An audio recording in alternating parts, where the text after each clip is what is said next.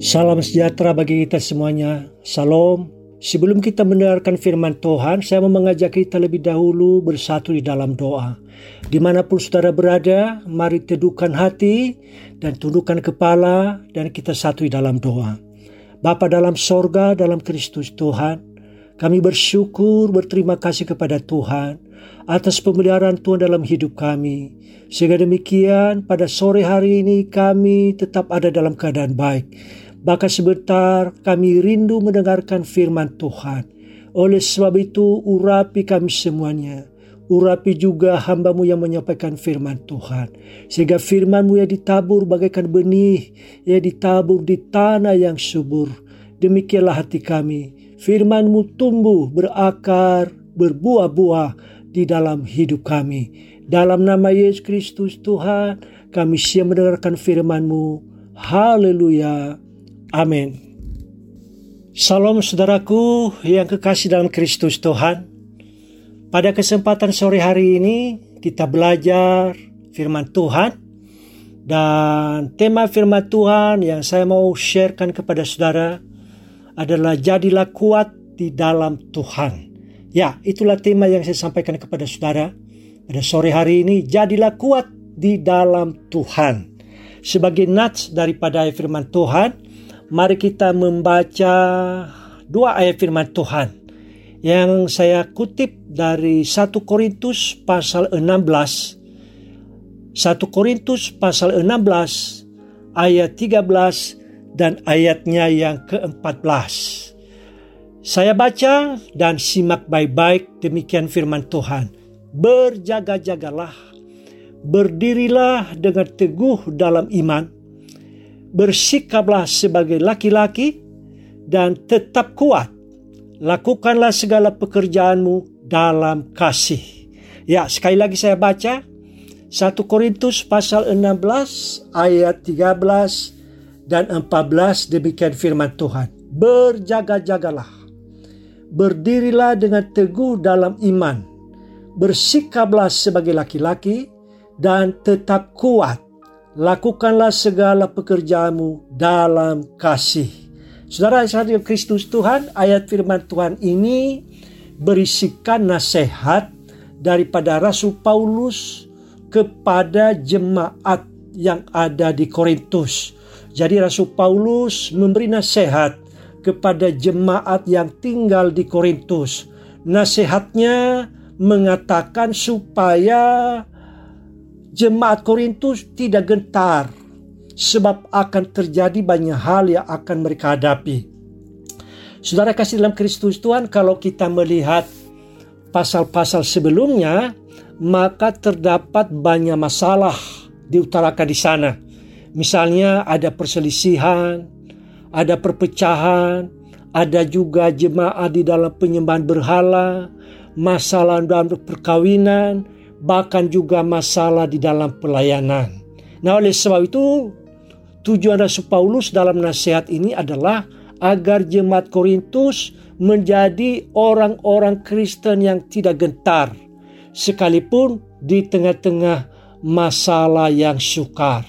Saudara kasih dalam Kristus Tuhan, Kristen yang tak gentar di masa sukar, seperti apa Kristen yang tidak gentar di masa-masa yang sukar. Itu yang menjadi renungan kita pada kesempatan sore hari ini.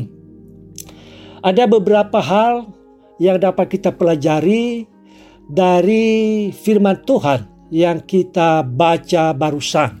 Yang pertama, Kristen yang tidak gentar di masa-masa yang sukar adalah Kristen yang selalu berjaga-jaga. Kristen yang selalu berjaga-jaga. Kata ini sering digunakan Yesus saat menasihatkan murid-muridnya dalam menantikan kedatangannya yang kedua kali. Kata berjaga-jaga juga dalam pertempuran, yaitu mengantisipasi akan bahaya yang datang. Kata ini dapat diartikan berjaga-jaga artinya tidak tidur.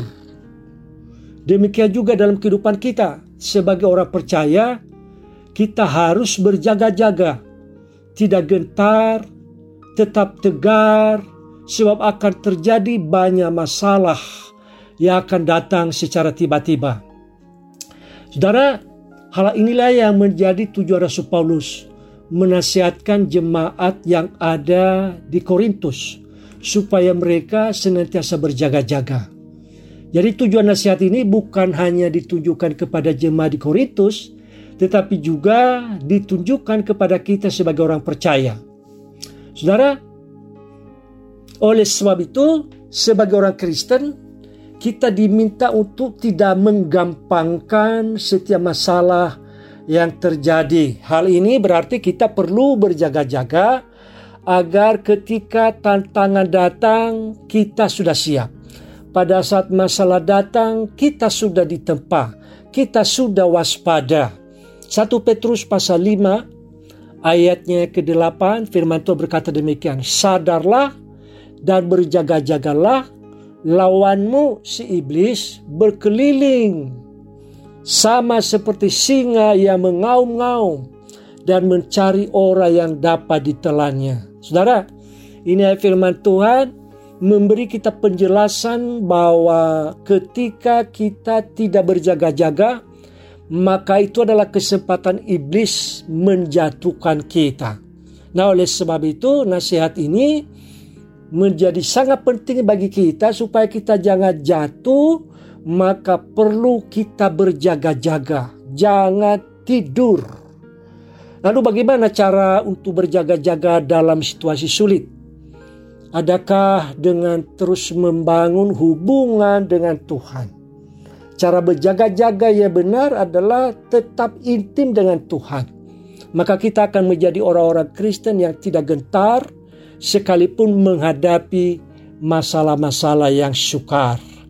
Jadi, yang pertama, supaya kita menjadi orang Kristen yang tidak getar dalam keadaan yang sukar adalah jadilah Kristen yang selalu berjaga-jaga. Jadilah Kristen yang selalu berjaga-jaga. Yang kedua, Kristen yang tidak getar pada masa-masa yang sukar adalah Kristen yang berdiri dengan teguh dalam iman. Berdiri dengan teguh dalam iman. Saudara, berdiri teguh adalah kata yang juga digunakan dalam konteks peperangan. Di mana seorang prajurit mempertahankan posisi di depan musuh dengan tidak goyah, tidak mudah mundur, tidak takut, tidak menjadi lemah. Itu adalah Kristen yang selalu berdiri dengan teguh di dalam iman. Saudara kasih dalam Kristus Tuhan, ayat ini selanjutnya berkata, berdirilah dengan teguh dalam iman. Iman seperti apa yang dimaksud Rasul Paulus ini? Iman yang dimaksudkan adalah iman yang sudah diisi oleh firman Allah dan mengenai pengajaran yang benar tentang Injil Kristus. Jadi itulah iman yang teguh, iman yang kokoh adalah iman yang didasarkan dengan firman Tuhan. Dengan demikian maka kita tidak akan goyah, kita akan tetap kuat, kita tidak akan gentar di tengah masalah-masalah yang sukar. Yang ketiga, Kristen seperti apa yang tidak gentar di dalam masalah-masalah yang sukar adalah Kristen yang bersikap sebagai laki-laki. Ya, itu adalah Kristen yang bersikap sebagai laki-laki. Ya, tentunya nasihat ini bukan saja ditujukan kepada laki-laki, tetapi ditunjukkan kepada semua orang percaya. Sikap sebagai laki-laki berarti bertindak berani, tidak cengeng, tidak mudah tawar hati, tidak mudah takut. Saudara, dalam Alkitab bahasa Indonesia sehari-hari ditulis bertindaklah dengan berani. Mengapa kita diminta untuk bertindak dengan berani? Karena peperangan prajurit bukanlah peperangan yang mudah. Lawan-lawan kita juga mempunyai perlengkapan-perlengkapan perang dan siap untuk menyerang kita. Coba kita melihat Efesus pasal yang ke-6 ayatnya yang ke-12. Efesus pasal yang ke-6 ayatnya 12 berkata demikian. Karena perjuangan kita bukanlah melawan darah dan daging, tetapi melawan pemerintah-pemerintah, melawan penguasa-penguasa, melawan penghulu-penghulu dunia yang gelap ini, dan melawan roh-roh jahat di udara. Ya, saudara tahu, lawan kita akan berusaha untuk melemahkan iman percaya kita.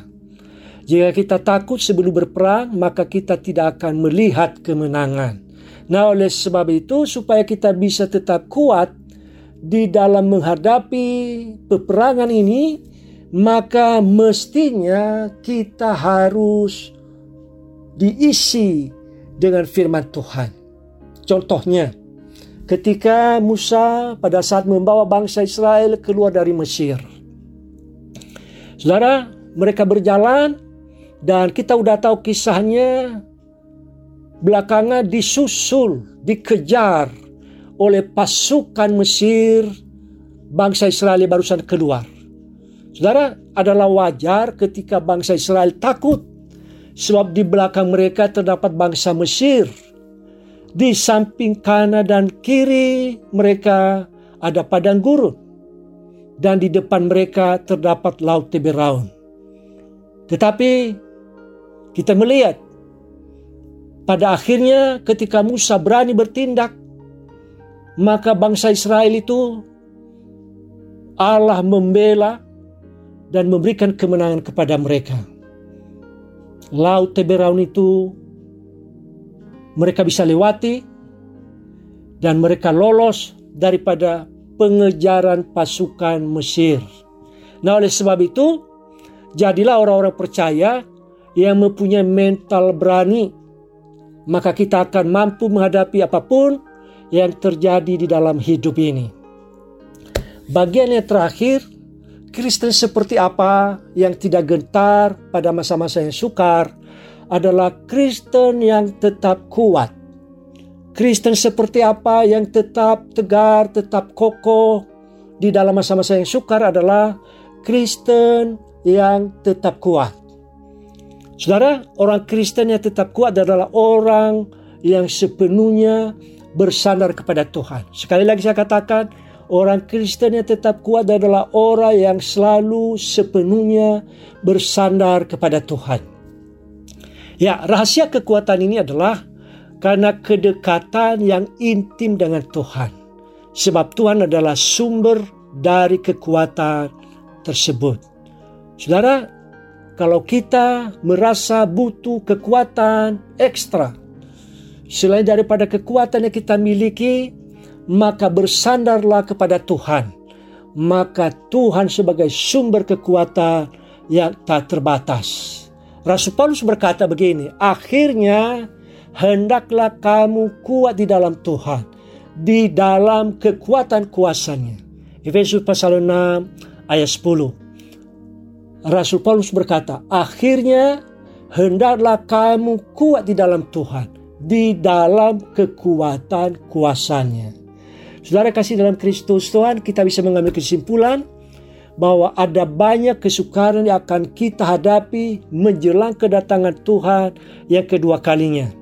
Tetapi lewat kebenaran firman Tuhan Allah, kita belajar untuk menjadi orang Kristen yang tidak gentar menghadapi semua kesulitan hidup sebab ada Yesus yang menyertai hidup kita. Yang setuju, yang percaya, katakan amin. Tuhan Yesus memberkati kita. Amin. Baik saudaraku, mari kita sama-sama berdoa, kita mengucap syukur atas kasih karunia Tuhan pada sore hari ini kita boleh bertemu dan kita menikmati firman Tuhan. Mari sama-sama kita tundukkan kepala kembali. Masing-masing kita mengucap syukur kepada Tuhan kesempatan yang indah pada sore hari ini. Bapa dalam sorga, dalam Kristus Tuhan pada sore hari ini sebagai firman Tuhan kami sudah mendengar. Jadilah kuat di dalam Tuhan. Masa-masa yang sukar menjelang kedatanganmu yang kedua kali. Lewat firman Tuhan mengingatkan mengajar kami akan banyak tantangan-tantangan kehidupan tetapi lewat firman-Mu pada sore hari ini, Engkau mengajar kami supaya kami tetap kuat di dalam Tuhan, di dalam kekuatan kuasa-Mu.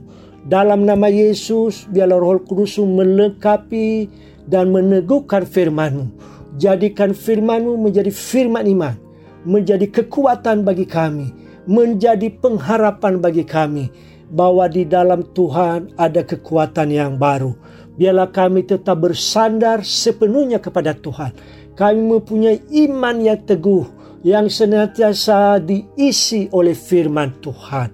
Dalam nama Yesus Kristus hambamu berdoa di mana pun sidang pendengar berada. Engkau hadir di sana dan urapilah mereka dengan urapan yang baru. Dalam nama Yesus hambamu berdoa. Sembuhkanlah yang sakit. Bangkitkan yang lemah. Bahkan berkati yang berkekurangan. Perlindunganmu sempurna dalam hidup kami. Mulai sore malam hari ini. Sampai engkau datang kedua kalinya. Bahkan sampai selama-lamanya. Haleluya. Yang percaya diberkati sama-sama katakan. Amin.